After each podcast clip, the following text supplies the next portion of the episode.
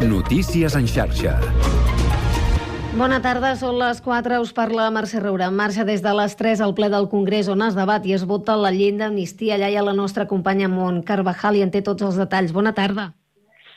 Bona tarda. La portaveu de Junts per Catalunya, Míriam Noguera, ja ha fixat la seva posició, que continua sent no a la llei d'amnistia i ha demanat al PSOE que votin la seva esmena que exclou el terme terrorisme. Segons Nogueres, el text, tal com està ara, només atura la repressió a mitges i, a més, hi queden forats perquè els jutges la boicotegin.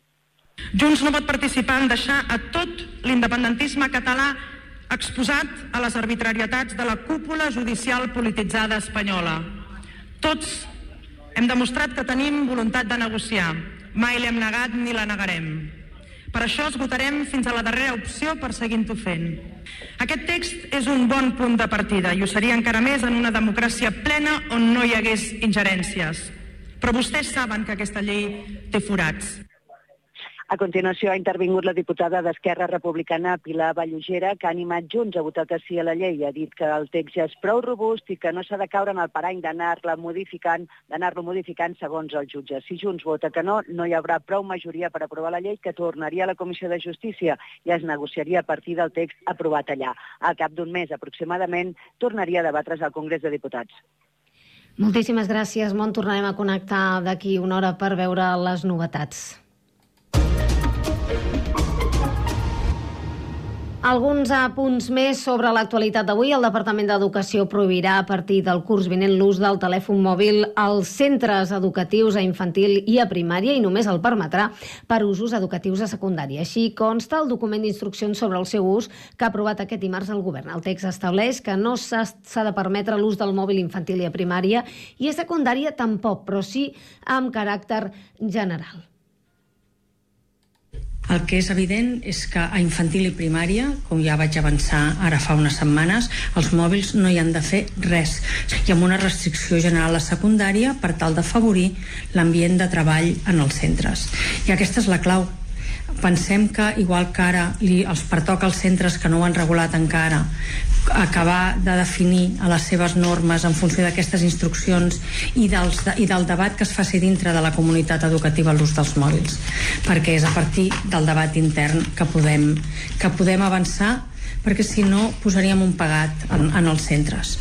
Escoltàvem a Anna Simó, la consellera d'Educació. És tot de moment. Tornem d'aquí una hora amb més actualitat i més notícies en xarxa. Notícies en xarxa. Quatre i tres minuts. Comença el Connectats.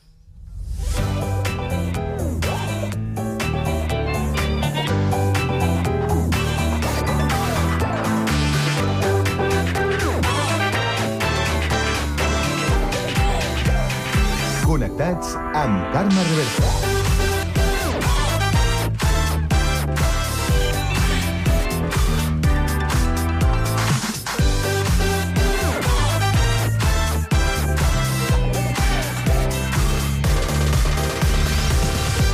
Molt bona tarda, salutacions i benvinguts un dia més al magazín de tarda de la xarxa, el Connectats de l'àrea metropolitana de Barcelona, programa que fem i que també podeu seguir a través de Ràdio Sant Cugat, Ràdio Sabadell, la Municipal de Terrassa, el Prat Ràdio, Ràdio Ciutat de Badalona i Ràdio Castellà. Una salutació de tot l'equip, conduït a la part tècnica per Pablo Palenzuela, Sami Fernández a la producció i d'aquí us parla Carme Reverte. Avui és dimarts 30 de gener i volem saber quin temps ens espera aquesta tarda. Lluís Mi Pérez. No s'acaben de desfer els núvols de moltes comarques i, sobretot, fora de l'Alt Pirineu, aquest cel que està mig ennubulat o ja una mica més carregat amb boira, fins i tot, que no s'acaba de desfer, en algunes comarques de la Catalunya central i sobretot de Ponent. Avui han tornat, per exemple, aquests núvols baixos al Pla de Lleida i allà, de fet, està baixant una mica la temperatura respecte a ahir. A la resta del país l'ambient no és gaire fred i, a més a més, durant la propera tarda arribarem a màximes de 14, a 16 o 17 graus. També s'ha de dir que al llarg de les properes hores es trencaran força els núvols, començant per les comarques de Girona i també les de la costa barcelonina. Encara una mica més carregat al cel, com dèiem, a la Catalunya central, al Pla de Lleida i també a les comarques tarragonines. En vista a aquesta propera nit i demà tornaran les boires a l'interior. De fet, demà al matí n'hi haurà més que avui. Per exemple, a les comarques del prelitoral, però demà al migdia i demà a la tarda només quedaran núvols al sud de Lleida i això farà que la tarda de dimecres sigui més suau que no pas la d'avui. Us seguirem a la xarxa.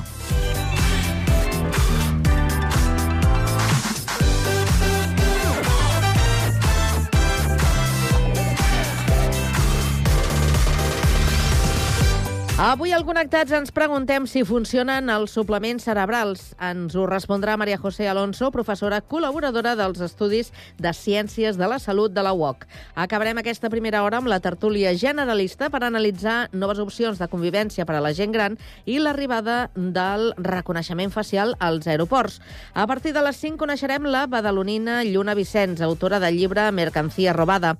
Continuarem amb l'espai de llengua per parlar del llenguatge inclusiu des del Prat de Llobregat.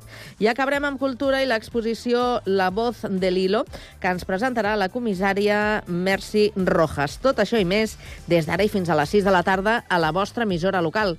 Connectats? Comencem.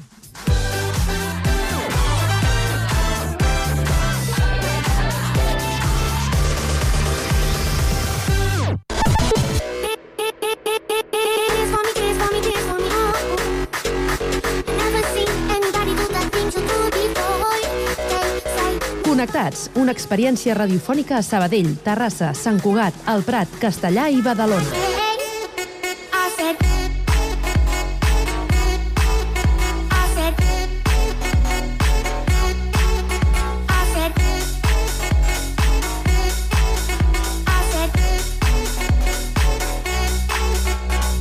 Connectats amb Carme Reverte.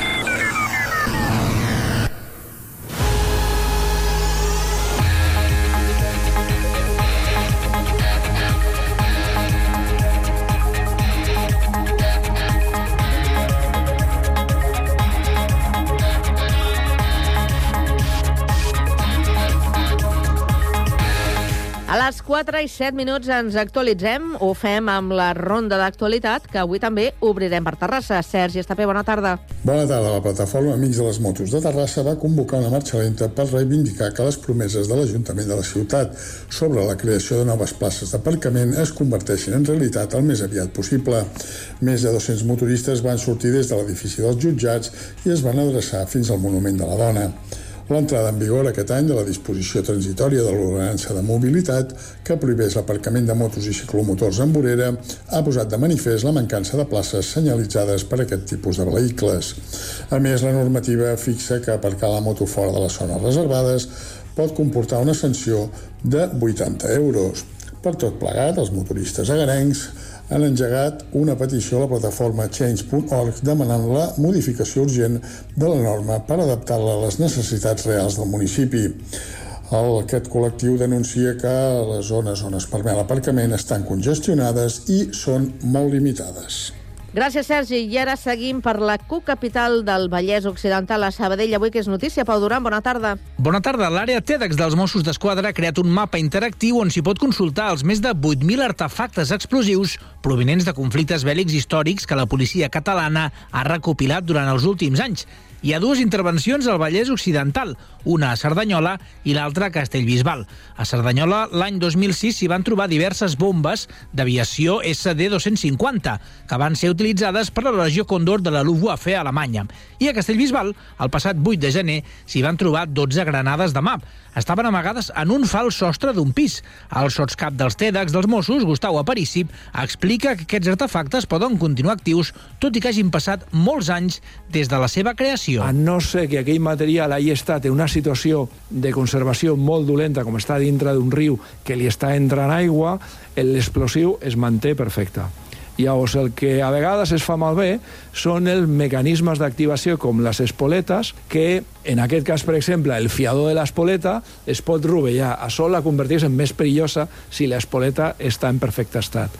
Llavors, això seria les parts de llautó o més primes són les que solen fer-se malbé abans. Però continuen tenint un gran risc en la seva manipulació. Davant d'un impacte o d'un incendi, l'explosiu esclataria i produiria metralla. En total s'han trobat 8.200 artefactes, dels quals més de 2.000 són projectils d'artilleria. Gràcies, Pau. I ara anem fins al litoral. Des de Badalona ens informa Andrea Romera. Bona tarda. Bona tarda, Carme. Un 42% de les noies i un 26% dels nois encastats a Badalona ha pensat alguna vegada en el suïcidi. Aquesta és una de les dades que ha causat més preocupació de la tercera enquesta d'hàbits de salut de la Diputació, on hi han participat més de 600 alumnes de quart d'ESO de 14 centres de Badalona. Ara bé, els professionals de la salut avisen que aquestes xifres s'han de contextualitzar per entendre-les sense alarmismes. Entrevistat al Badalona 360, Xavier Crego, cap del Servei de Salut de l'Ajuntament de Badalona, recorda que és la primera vegada que es pregunta aquesta qüestió en una enquesta i que, per tant, no es pot determinar si hi ha una tendència creixent. A més, Crego remarca que els encastats són adolescents i que s'ha de tenir en compte que és una etapa que per a molts és convulsa. Estem parlant de joves, a més, una quasi adolescents, preadolescents, postadolescents, que viuen també dintre d'un cert torbellino eh, en la seva vida, està en un moment de moltes experiències, molts canvis, i això s'expressa d'alguna manera també amb aquests pensaments. Amb tot, Grego recorda que l'enquesta no s'ha publicat oficialment perquè els professionals de la salut encara estan valorant els resultats. Gràcies, Andrea. I ara seguim una mica més al sud des del Prat de Llobregat. Lluís Rodríguez, bona tarda. Bona tarda. Un total de 415 dones al Prat van demanar ajuda l'any passat al Servei d'Informació i Atenció a les Dones, al CIAT, per violència masclista. És una xifra superior a la del 2022, com van ser 360. En xifres globals, l'any passat es van atendre 721 dones, 28 homes i el total d'atencions, ja que moltes persones repeteixen la visita, va ser de poc més de 3.000, una dada similar. D'aquestes atencions, la majoria, unes 2.300, gairebé van ser per assessorament psicològic, i de les quals 895 per violència i prop de 800 per qüestions generals. El 85% de les persones ateses al PSIAT de l'any passat tenien nacionalitat espanyola. Per edats, el 30% tenien entre 46 i 60 anys i el 29% entre 31 i 45. Gràcies, Lluís. Del litoral tornem novament al Vallès i ens quedem a Castellà. Jaume Clapés, bona tarda. Bona tarda. A Castellà les inscripcions de la Rua de Carnaval ja estan obertes i pot participar qualsevol col·lectiu de persones format per un mínim de 10 participants. Hi haurà tres premis de 900 euros, un a la millor carrossa, a la millor comparsa i un altre a la millor disfressa. La sortida està prevista a dos quarts de sis del dissabte 10 de febrer. El lloc de sortida serà al carrer Portugal, al costat de l'Espai Tolrà totes les colles inscrites s'hi hauran de situar entre les 5 i un quart de 6. Els que s'hi vulguin inscriure ho poden fer a través del web municipal www.castellavallès.cat barra carnaval. D'altra banda, un dia abans, el divendres 9, la fàbrica organitza una festa de disfresses a partir de les 7 del vespre i fins a les 12 de la nit a la Sala Blava de l'Espai Tolrà. Gràcies, Jaume. I abans de marxar, un repàs a l'actualitat de Sant Cugat que ens porta Sami Fernández. Bona tarda, Sami. Bona tarda. Avui estem de celebració a Cugat Mèdia perquè fa 35 anys de la segona etapa de l'emissora. El 13 de juny del 2022 vam celebrar orgullosos els 40 anys de Ràdio Sant Cugat, que havia nascut en un estudi del carrer Sant Antoni l'any 1982 però aquells 40 anys no van ser complets, ja que el 1800-1986 la Generalitat va obligar a tancar l'emissora perquè, igual que moltes altres ràdios locals, estaven en una situació de legalitat. Ramon Grau, el primer director, explica com, pocs dies abans que la Generalitat els presentés l'antena, l'Ajuntament Socialista d'aquell moment els va trucar per dir-los que portessin tots els aparells de la ràdio a la seu del consistori. Cal recordar com una iniciativa privada. Escoltem a Ramon Grau, perquè quan sabíem que ens anaven a tancar el mateix dia, això no ens ho havien d'haver dit. El que ens havien d'haver dit és, escolta, estem a la vostra disposició, us ajudarem, anirem a la Generalitat a parlar amb ells, eh, cosa que sí que va fer el Joan Emeric. El Joan Emeric. El 30 de gener de 1900, del 1989, Ràdio Sant Cugat va reneixer de la mà de l'Ajuntament, liderat per Joan Aimer Ritz, en unes noves instal·lacions al carrer Sant Jordi. Amb aquestes paraules va inaugurar l'alcalde la nova ràdio. Avui és un projecte bàsic i vital per a la nostra ciutat, un revulsiu cultural i social. Avui el fil màgic de la ràdio torna a les nostres llars amb tota la raó, amb tota la justícia, a donar resposta a una reivindicació constant de tot un poble. Des de llavors, tot han sigut passes endavant fins a l'actualitat, que som el mitjà públic multimèdia de Sant Cugat.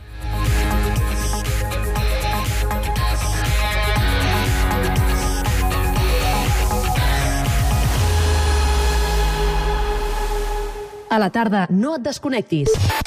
A la teva ràdio local, connectats. Can't touch this. Can't touch this.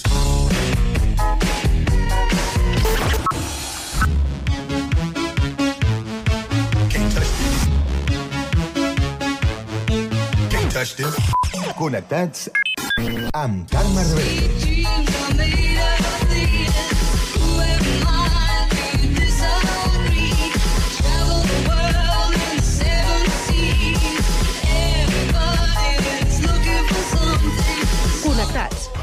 Experiència radiofònica a Sabadell, Terrassa, Sant Cugat, El Prat, Castellà i Badalona.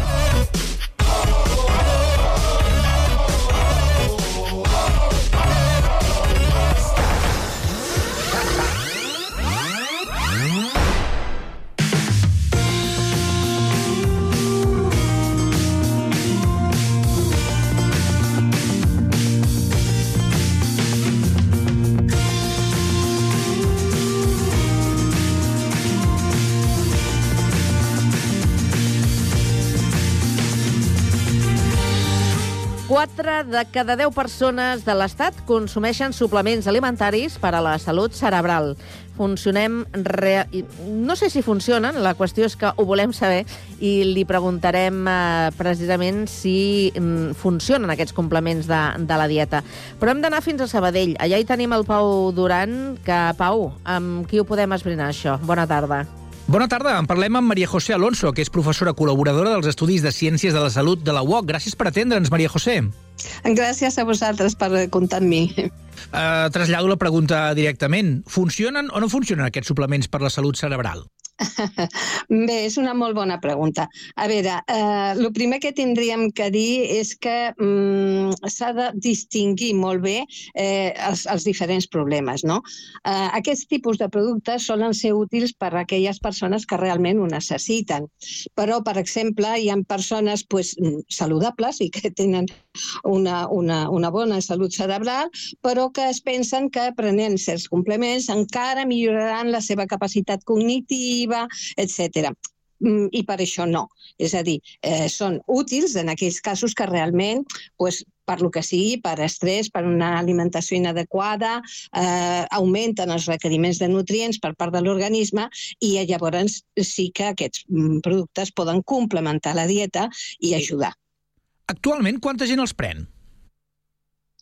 Bueno, la veritat és que eh, a nivell mundial, eh, miri, eh, bastant. Eh, hi ha una, s'ha publicat eh, fa poc una, una enquesta de Harvard que va trobar que al voltant del 25% de les persones de més de 50 anys prenien un suplement per millorar la seva salut eh, cerebral, amb la intenció de millorar la memòria, tenir més atenció, més concentració.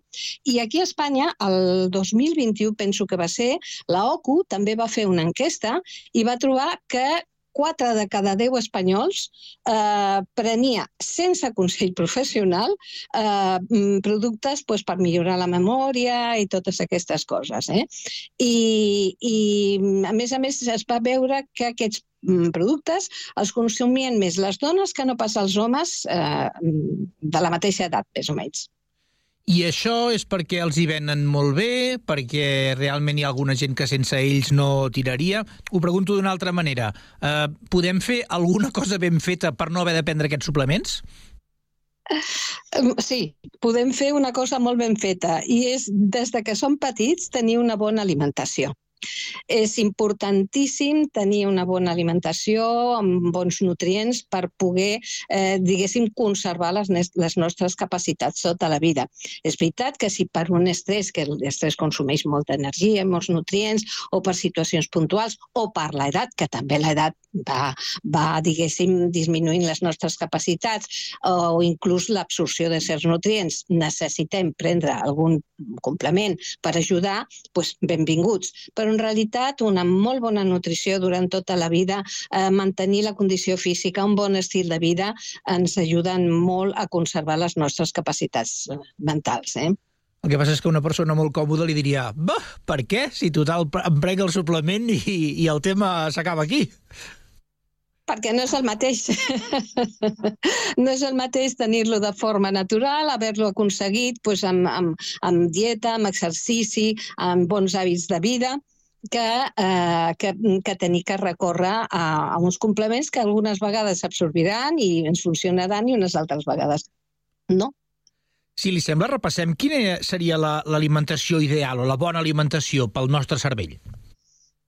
Doncs miri, estem en un país en què no complim amb la dieta mediterrània, encara que som mediterranis, però que veiem quan es fan enquestes que es complís molt poc perquè eh, tenim un consum molt alt d'aliments processats, eh, en fi, eh, que no són els més convenients, eh, però sí que s'ha vist que, per exemple, una dieta que sigui rica, pues, per exemple, la coincidint amb, la, amb, amb verdures, amb fruites, amb peix blau, eh, amb fruits i llavors seques, amb llegums, amb cereals, amb l'oli d'oliva, que és tan nostre, limitant al màxim les grasses saturades, les grasses animals i l'alcohol, mm, pues és una molt bona mesura, una molt bona dieta per afavorir la salut cerebral.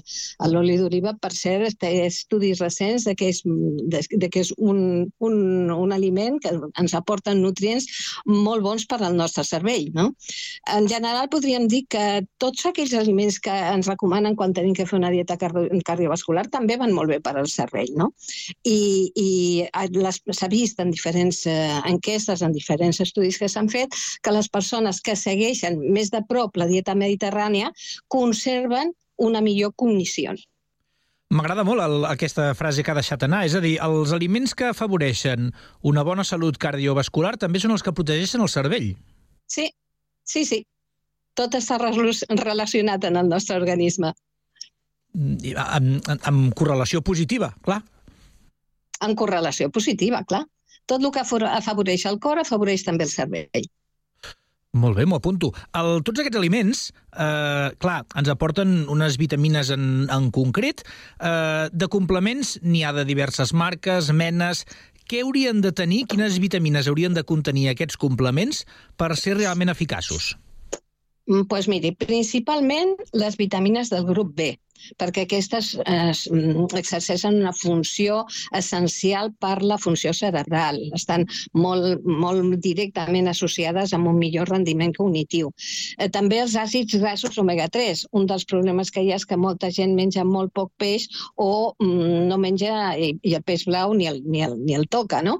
I justament eh, és el, són els aliments que ens proveixen d'aquests àcids grassos omega-3 de cadena llarga. Necessitem tots els de cadena llarga que es diuen que són els dels peixos i els de cadena corta que serien els dels fruits secs, per exemple, no? Però aquests àcids grassos omega-3 de, de, de cadena llarga del, del peix pues, eh, tenen un paper estructural al cervell i un efecte molt protector enfront de la neurodegeneració, allà, perquè protegeixen els vasos sanguinis, eh, perquè ens ajuden a eh, reduir l'oxidació, aquest estrès oxidatiu que tenen les nostres cèl·lules cada dia, redueixen la inflamació, són elements molt interessants i molt importants que tindria que tenir un bon, un bon producte per, per un bon complement alimentós per, per, per ajudar a la funció cerebral. I després també les, no podem oblidar les vitamines E, C, els carotens, els mm, polifenols de moltes plantes que mm, són doncs, molt antioxidants, que ens ajuden molt, i també minerals com el zinc, el seleni o el manganès, que tenen un efecte, s'ha estudiat i s'ha vist que tenen un efecte beneficiós, eh, poden tenir un efecte beneficiós a la prevenció de la, de la degeneració neurològica. No? I a més a més que també tenen aquesta capacitat de reduir el dany a les neurones que ens produeix l'oxidació que fem cada, que, que, que patim cada dia, perquè només per al fet de, de, de viure, respirar eh, l'estrès que tenim, el nostre organisme mm, pues, ens oxidem. No? I, i, bueno, I després també hi ha algunes plantes que tenen estudis pues, que poden apujar la, la, ajudar a la funció cerebral, com pues, per exemple la cúrcuma, eh, que té estudis bastant recents, o una altra planta que ve d'unes altres dues plantes que venen molt de la tradició de la Jurveda, com la bacopa i la centella, que també s'han estudiat, s'estan estudiant molt, i que han mostrat que també ens poden ajudar a conservar i millorar, i millorar pues, això, la memòria, la funció cognitiva parlava d'unes vitamines que procedeixen del peix. Uh, ara, recentment, també ens estan arribant... Els àcids grassos. Sí. sí, els àcids grassos omega-3. Correcte, els àcids grassos, exacte. Sí. Gràcies. I el, el, precisament ara també estem rebent molts estudis eh, que ens diuen que el peix que ve del mar, eh, tota la contaminació, ara sobre amb això que ha passat al, al Cantàbric, de que el, els plàstics aquests que s'han perdut pel mar se'ls acabaran menjant els peixos, també algú es podria veure tentat de dir manera de no contaminar-me de la part dolenta del peix, si és que és tan evident i tan traumàtica, mm, opto directament pels complements. Eh, és correcte això que diu, hi ha molta gent que ho pensa, i també la contaminació per mercuri, etc. És veritat que mm, el peix blau, els peixos grans, per exemple, poden eh, tenir més quantitat d'aquests eh, elements que no ens convenen. Tampoc es tracta de menjar grans quantitats i tots els dies. Eh, de totes maneres, és veritat pues, que eh, peixos pues, eh, de, que provenen de, de, de la pesca en alta mar, de la pesca d'altura, eh, peixos que, els, aren, les, els arenques, les sardines, que són peixos més petits, que no normalment no no, estan, no, no tenen tant el contingut al mercuri, eh, poden ser una bona font, i, i evidentment amb coses puntuals com aquestes dels microplàstics, doncs, bueno, eh, potser tindrem que buscar peixos que no estiguin pescats, que no siguin, eh, que no s'hagin pescat en aquestes zones que en aquest moment estan, en, estan contaminades, evidentment, no? Això es tindria doncs, que regular una mica la, la pesca, però, bueno, jo penso que eh, menjar bé i buscant aliments de qualitat eh, podem, podem, eh, podem eh, afavorir-nos d'aquests aliments. Hi ha un sector en concret de la gent gran, que també necessitaré que, que, que em defineixi a partir de quan ens hem de considerar gent gran, que diu que el, el fet aquest de consumir els suplements alimentaris eh, augmenta l'esperança de vida. Imagino que en, en la mateixa mesura que si poguessin mantenir aquesta alimentació sana i equilibrada. Sí, efectivament, a partir d'una certa edat, i em nego a dir quina és l'edat, perquè eh, segons, les, segons el, el saber popular jo estaria dins de la tercera edat i no em sento. D'acord. Llavors, penso que una persona, mentre es mantingui activa, saludable, pues, eh, no hem de caure en l'edadisme, eh, però és veritat que a partir d'una certa edat, a partir ja de, de gent pues, bastant gran, eh, sí que, mm, entre altres coses, perquè perquè inclús eh, tot es va perdent, tot es va deteriorant i l'absorció de nutrients i micronutrients tampoc és la mateixa. Llavors necessitem reforçar l'alimentació perquè moltes vegades per arribar a, a cobrir òptimament aquestes necessitats, doncs necessitarien menjar més del que necessitem i llavors cauríem amb, amb, amb sobrepès que tampoc ens convé, no? Però mm, eh, sempre és una qüestió de mirar les coses amb una mica de, de, de seny, no? Eh, és veritat que convé passar revisions, inclús revisions mentals, per veure com estàs, per veure com no estàs, i eh, no fer per fer, per dir-ho d'alguna manera, sinó realment mm, mm, suplementar quan veiem, quan, quan es veu que és necessari. Una persona, per exemple, que a partir de 70, 80 anys que comenci amb pèrdues de memòria, el primer que té que fer és anar al metge és anar al metge perquè se li deteriori, a veure si això és un deterior cognitiu ja i que llavors tindria que mm, ja no seria una qüestió només de complements, encara que pot ser que li recomanin complements també, sinó d'altres eh, altres accions, altres tractaments mèdics, o si realment és una cosa normal, d'un deterior normal, d'un envelliment normal, eh, que, mm, bueno, que, que, que es pugui realment mm, pues, ajudar amb els complements complements alimentosos. Si ingerim massa d'aquests complements, o, o potser els, no ben bé els que ens convenen, què ens pot passar? Doncs, eh, miri, li posaré un exemple. Eh, hi ha molta gent que um, demana coses, moltes coses antioxidants. No, no, perquè eh, em, es llegeixen notícies, en premsa, etc de que els antioxidants són molt beneficiosos, per el que dèiem abans, que ens oxidem, etc etc. però un excés d'antioxidants, per exemple, pot fer un efecte contrari. És a dir, ens pot eh, oxidar. Per tant, tot s'ha de prendre amb la seva mesura.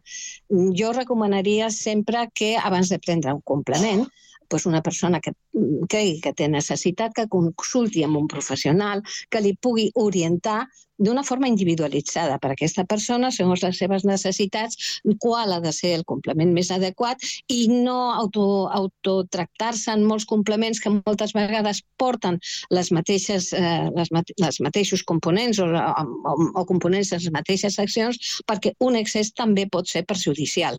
O sigui, tot ha de ser a la seva justa mesura. Ni, ni, ni que ens falti ni que ens sobri massa perquè eh, no tots els, no tots els, els, els nutrients nutrients eh, s'eliminen mm, si no fan falta.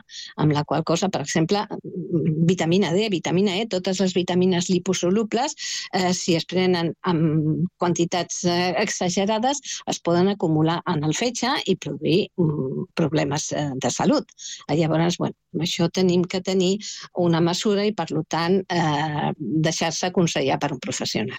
Alguna vegada havia sentit, però no sé si és cert o no, que el, el fet d'acostumar el cos a ja les ingestes aquestes amb, amb càpsules, per exemple, de determinats components com aquestes vitamines o àcids grassos, fa que també es desacostumi d'anar-les a buscar dels aliments normals.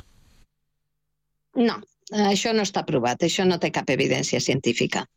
Perfecte, doncs em quedo més tranquil. Sí, l'organisme no, no...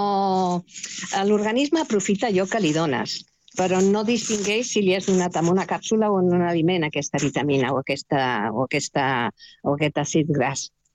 Queda clar, doncs. Maria José Alonso, professora col·laboradora dels Estudis de Ciències de la Salut de la UOC, gràcies per atendre la trucada al Connectats. Doncs moltíssimes gràcies a vostès per comptar amb nosaltres una vegada més.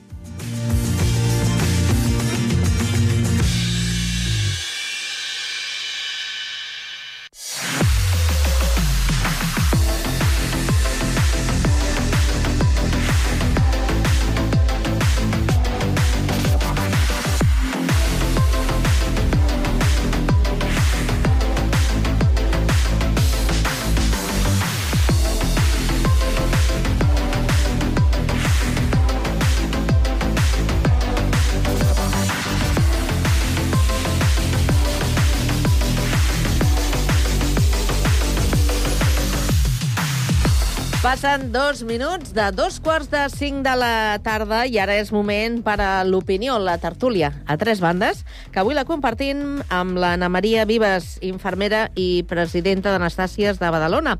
Com sabeu, el grup de dones que treballen per la cultura. Anna Maria, bona tarda. Bona tarda, Carme. Què tal? Bé. Per Badalona... Vosaltres quin... també? Sí, quin temps teniu per Badalona? Molta humitat. Ah, mira. Moltíssima humitat. Jo que vic davant del mar encara més. Hi ha, hi ha matins que sembla que hagin regat els carrers i és de la humitat que hi ha hagut durant Mm. tota la nit. Sí. Bé, doncs eh, aquí encara esperem, eh? A veure si cau alguna, alguna gota. També humitat, no?, a primera hora del matí, aquesta boira tan característica aquests eh, dies pel contrast tèrmic, però, però poca cosa més. Es... Ja, no, no, pluja res, de moment no, no, res. No, no. Lourdes Dalmau, professora llicenciada en Economia i Empresa. Què tal? Bona tarda. Molt bona tarda. Pues molt, molt contenta d'estar participant amb vosaltres. Sí? Sí. Doncs espera, que ara et presentaré el tercer component de la tertúlia d'avui, el Rubén Ramiro, que és estudiant de Ciències Socials i el tenim a Sabadell. Rubén, bona tarda. Rubén, bona tarda. Ai, el Rubén. Segur que hi és, però deu passar alguna cosa que no... que, que fa impossible que el tinguem amb nosaltres. Bé, el recuperem eh, de seguida que, que puguem i, si us sembla, eh, comencem eh, parlant avui d'un tema que després de veure eh, la informació que, que van oferir els companys de, de TV3 eh, aquest reportatge sobre els, eh, un bloc de pisos socials per a la gent gran és una nova experiència que no estaria malament que es pogués estendre al llarg de, de molts altres municipis. És un exemple que el trobem a Sant Feliu de, de Llobregat i que mm, a mi em va fer especial il·lusió perquè, clar, pensant en quan un arribi a ser gran, mm, jo preferiria mm, viure així, en aquesta eh, comunitat compartint eh, eh, cosetes que no, que no haver d'anar amb una en una llar, no? com es fa ara amb, amb les persones grans. Eh, us he passat a l'enllaç, heu pogut veure el, el reportatge, i sí que m'agradaria eh, que parléssim si vosaltres considereu que és una bona opció, una bona alternativa al que avui dia eh, coneixem que són les residències de, de la gent gran. Però abans anem a saludar el Rubén Ramiro, que ara sí que el tenim via Ara sí. telefònica. Rubén, què tal? Bé, bé, bé, amb moltes ganes de generar polèmica avui. Sí? Vols generar polèmica? Amb aquest Sí. tema o l'altre? Amb els dos. val, val, val, val, val. Doncs, eh, escolta, eh, quan vulgueu podem eh, començar. Jo no sé si vol començar l'Anna Maria primer, vinga. Mira, mm, està molt bé, eh? Vull dir, hi he entrat, mm, no l'havia vist jo aquest reportatge. És veritat que la gent gran sempre la seva demanda és quedar-se a casa. Um, ja sabem que hi ha moltes cases que perquè o no hi ha ascensor o perquè no estan preparades per, per gent gran, doncs eh, queden allà la- aïllats. Aquí he vist doncs, que eren pisos que estan, que estan preparats per acollir gent gran. El que passa que tampoc m'agradaria eh, pensar que això és- una substitució d'una residència, perquè aquí tothom té que estar bé. Vull dir, és, és com les persones que estan a casa.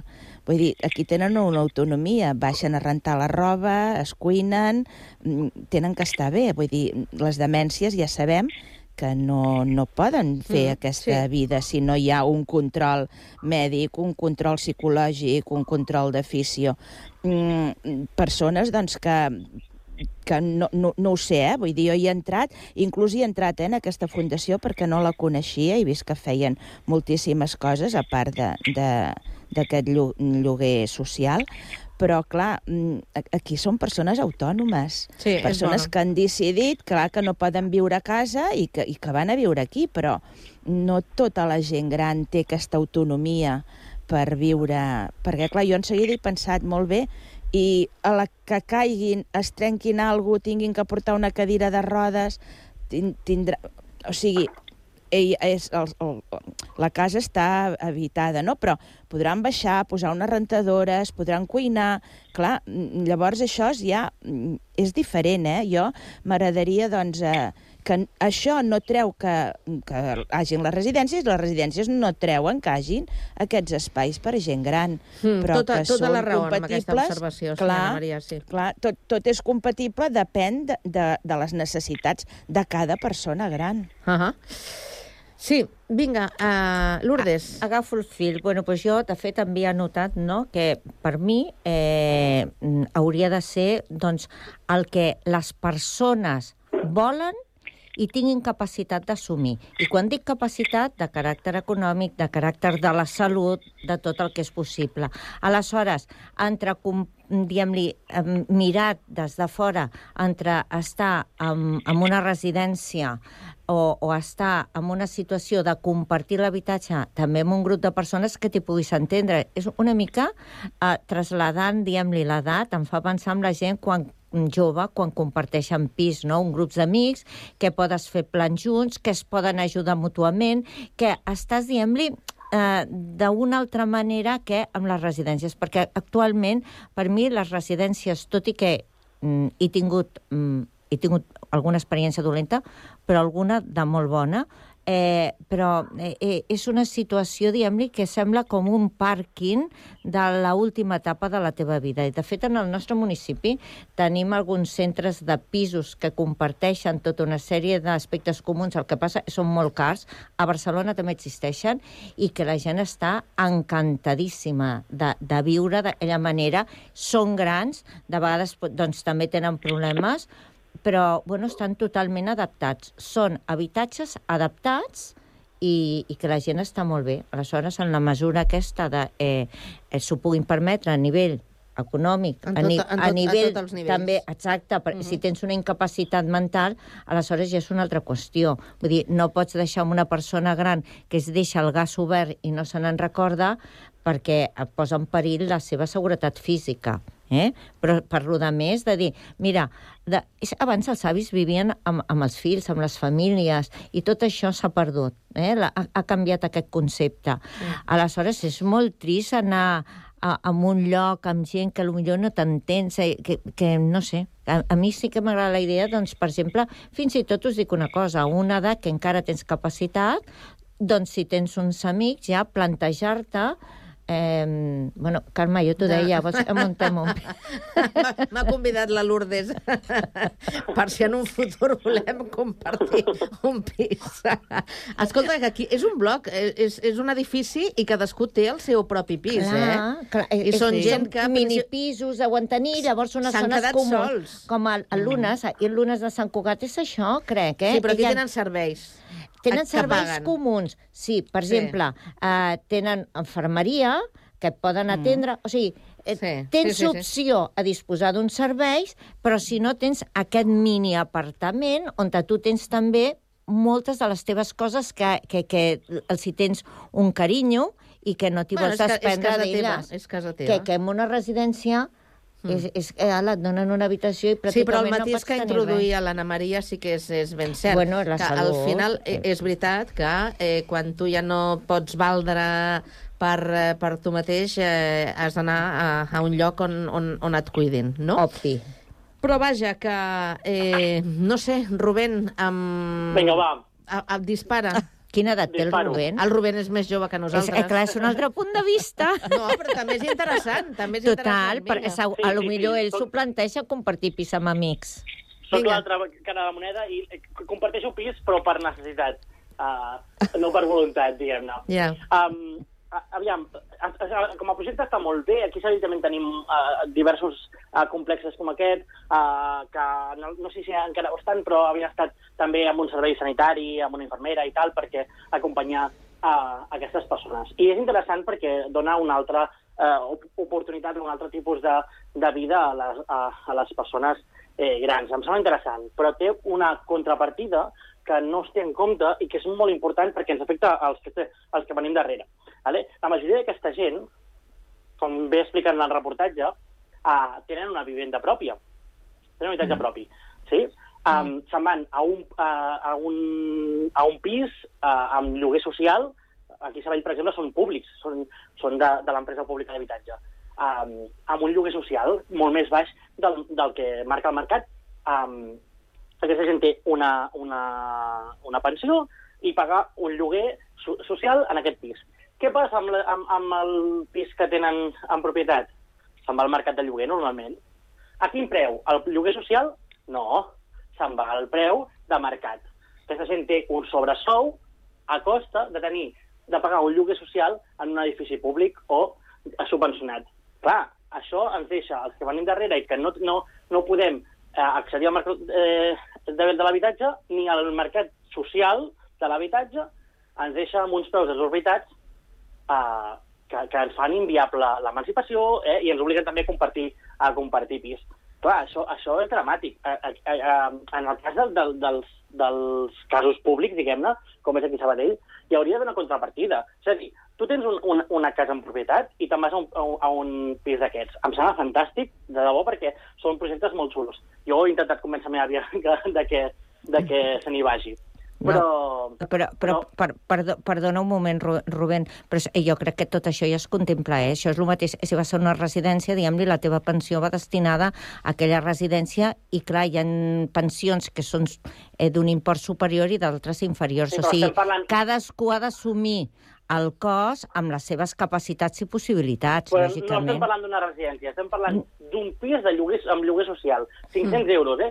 Si us plau, on, on tinc a la meva ciutat un pis per 500 euros que no hagi de compartir? És que, és que clar, eh, no tampoc, existeix. però tampoc no... Sí, ent eh, jo entenc eh, perfectament el que comentes, però tampoc no sabem eh, la història de cadascuna d'aquestes persones. No sabem si, el, eh, si, si realment tenien un, eh, un habitatge en propietat, en quina situació estaven eh, vivint, eh, a lo millor estaven en família o no, si... Majoritàriament, eh, gràcies, gràcies a, a, a la seva feina, eh? I, i, i, però la seva, aquesta generació són, uh, la majoria, la gran majoria són propietaris. Um, I per tant tenen accés a, a l'habitatge i se'ls dona accés a un habitatge eh, social, que no em sembla malament, eh? però llavors eh, hi hauria d'haver alguna manera de, de regular que aquest, aquest habitatge que queda lliure també entrés al, al mercat social, perquè si no, el que estem fent és augmentar les rendes del lloguer a les, a les generacions que venen darrere. A- Estic convençuda de que hi ha una llista i un ordre de prioritats en funció de les seves capacitats econòmiques convençudíssima, i un pis forma part del patrimoni, pot tenir una persona i, per tant, se li pot calcular una renda.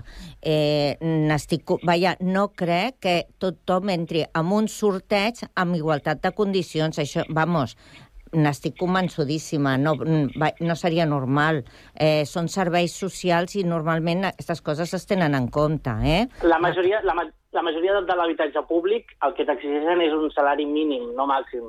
I llavors aquí és on posem problemes a la renda. No, jo m'estic Clar. referint a les persones grans, per exemple, Sí, sí, per sí, demanar mateix, mateix. un accés a una residència. Això és per demanar un accés a un pis compartit. Doncs primer tindran prioritat aquells que estiguin en unes condicions més precàries, indiscutiblement. Vull dir, mm, seguríssim. Mm. Pels, jo conec La- casos i, i, i, i no, no, no, no, és, el- no són els casos, eh, que, que són, són gent en propietat que han anat de lloguer. Ha de lloguer. En el millor dels casos, doncs mira, han tingut uh, familiars que han necessitat el pis i, i el lloguer l'ha pagat el, el, un nebot o un, o un net, però, però en conec també que, que, doncs que lamentablement doncs, se'n van al mercat de, de lloguer a pagar a cobrar 1.500 euros per un lloguer d'un pis de tres habitacions um, per, per anar a pagar 680, em sembla que és el que, el que es paga aquí a, a l'habitatge d'aquest tipus. En qualsevol cas, Rubén, la teva reclamació, la teva petició seria que hi hagués més habitatge social, però també per a joves.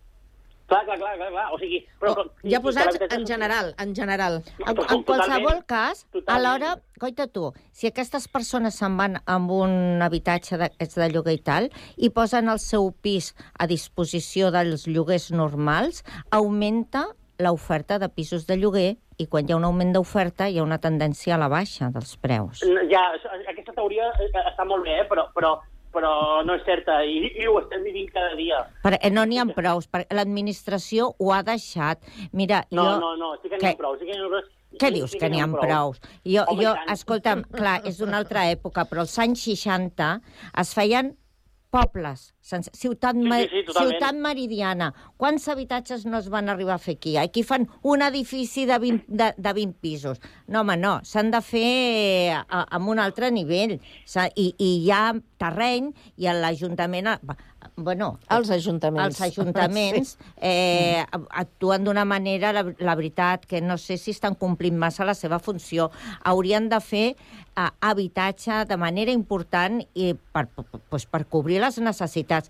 Eh, per exemple, Totalment d'acord, totalment d'acord. però- nosaltres però sí que- aquí a Sant Cugat, la gent jove d'aquí a Sant Cugat ha de marxar de, del, del poble per viure. La gent que ha viscut aquí tota la vida, perquè no es pot permetre tenir aquí un habitatge?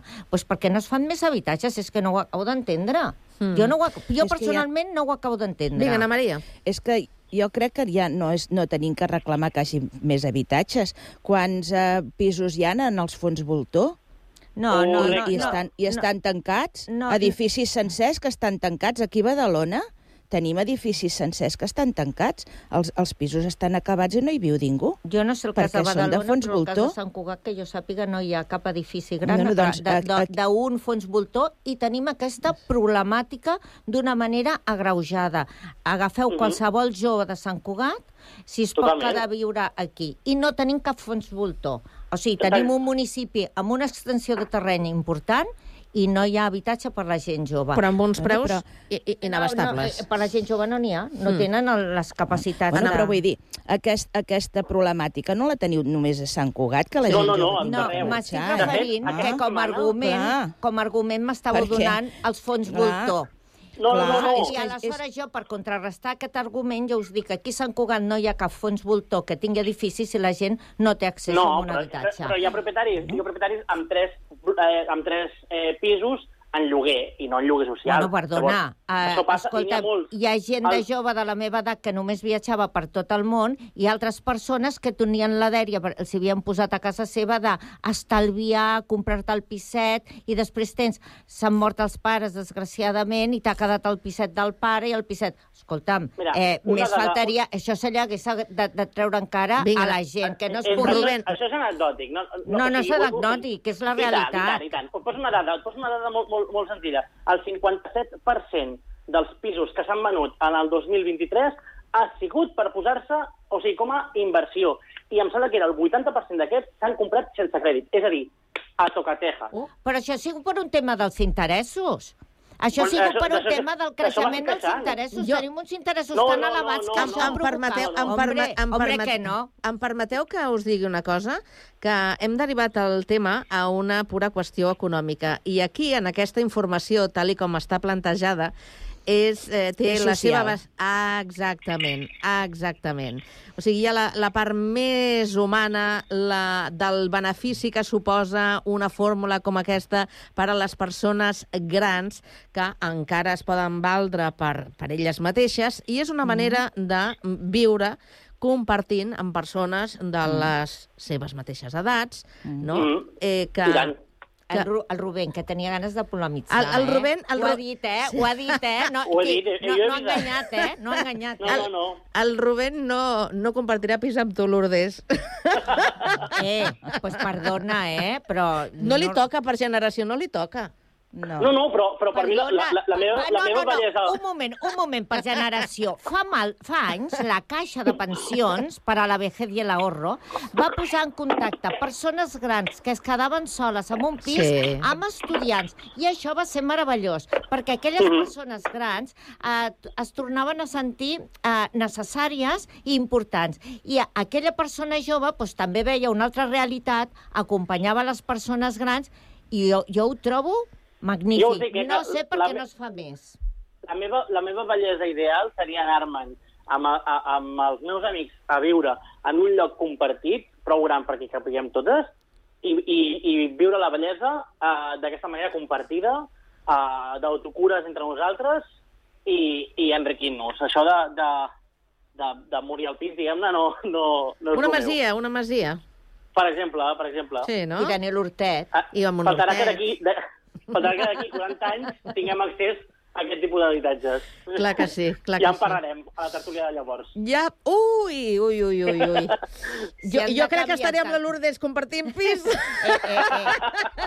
Escolta'm, eh, jo he sentit una notícia aquest matí que això, eh, volen, Ai, Lourdes. de que han posat ja un primer Però el xip programa amb el una faràs, tu, persona. el faràs tu des del pis, eh, Lourdes? El Com que programa... Jo penso viure molts anys, si m'ho permeten els mitjans. Ja, ja. Escolteu, que, mira, ens ha donat tant de sí a aquesta primera eh, notícia que ens queda molt poc per una altra que també és prou interessant. No sé si tan interessant, però que també crea controvèrsia i debat, que és el reconeixement facial als aeroports. Vueling ja mm, ho ha implantat, va ser la primera a Espanya, de fet, encara l'estan eh, tastant, Eh, però la veritat és que jo no sé si vosaltres us heu trobat ja, eh, si heu fet algun vol, alguna sortida que us hagin... No? Jo, jo no viatjo No, tant, no. perquè soc una persona d'estar molt per casa, però sí que he llegit o he escoltat o no sé on, de que, per exemple... Més curtetes les intervencions que tots hi capiguem, vinga. Ah, ah, crec que una, una professional de eh, d'una empresa d'aquestes informàtiques del nivell, una persona que comentava de que, clar, si tu la fotografia del passaport, per exemple, tens una fotografia i des, posteriorment t'has fet algun retoc estet, estètic, Vaja. no et reconeix i llavors et diu, no senyora, vostè no és la de la foto. Ah, o doncs senyor, mira. no senyora o senyor. Eh? No, però en general, sobre aquest debat, eh, vosaltres sou partidaris o no, Ana Maria? Gens. Perdó. Vinga. Sí, Maria. No, no, i ara. Digues, digues, Rubén. No, no, és que, és que em sembla tan, tan perillós. Vivim, o sigui, vivim un gran hermano que, que, que tan, Mm. tan fort.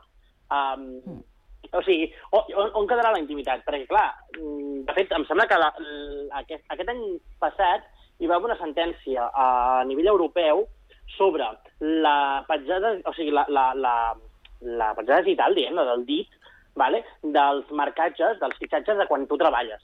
vale? Sí, de sí. que es, es, es considerava una, una dada eh, sen, molt sensible, altament sensible, perquè és una empremta digital eh, eh, identificativa, vale? Um, i, i, i estem declarant-ho com a una dada perillosa i, per tant, de, molt, um, de que s'ha de, cuidar, eh, de tenir cura, molta, molta cura, diguem-ne. Vale. Uh, I ara estem parlant de, posar, de que la nostra cara, li, li- literalment, estigui en uns arxius informàtics que ens identifiqui ara a l'aeroport, però vés a saber on ens identificarà. Aquí a Sabadell ens, ens van posar ja fa un parell d'anys un munt de càmeres per tot arreu per una suposada seguretat que jo em pregunto, i aquesta seguretat, seguretat on és? Perquè Sí. mm, la, no, en- ens diuen que, que no, cada cop estem més insegurs, no? Tenim aquí a, a, a Prosegur guanyant un 80% més que l'any anterior uh, gràcies a, la, a les alarmes que generen aquesta eh, inseguretat que, que ens diuen i posant-nos càmeres i cedint drets nostres a costa d'una seguretat que després no existeix.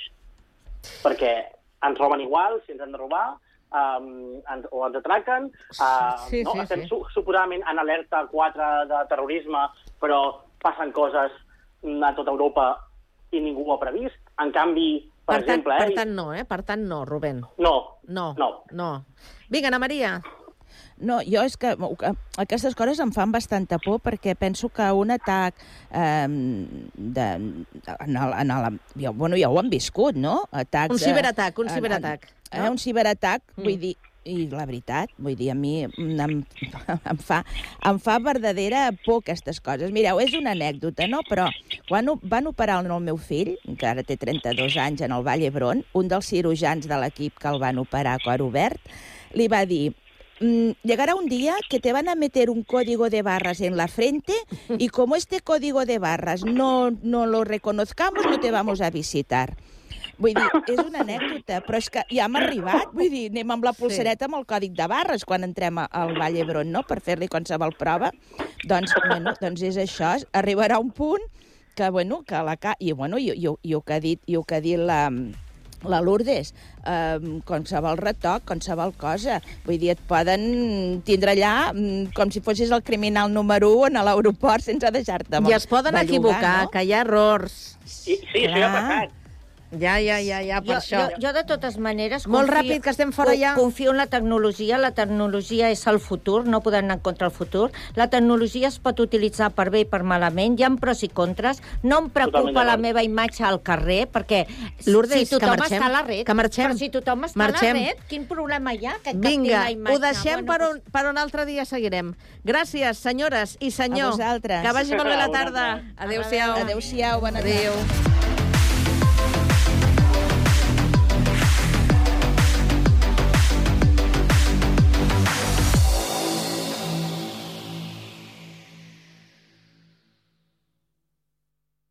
Ràdio Sant Cugat gaudim de la música.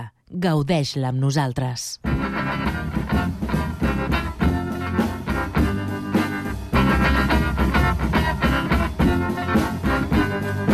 Darling, Yes, Tina. you're starting to get next to me. Honey, that was my plan from the very beginning. Darling, Uh huh. I never thought that this could be. What do you mean? Oh,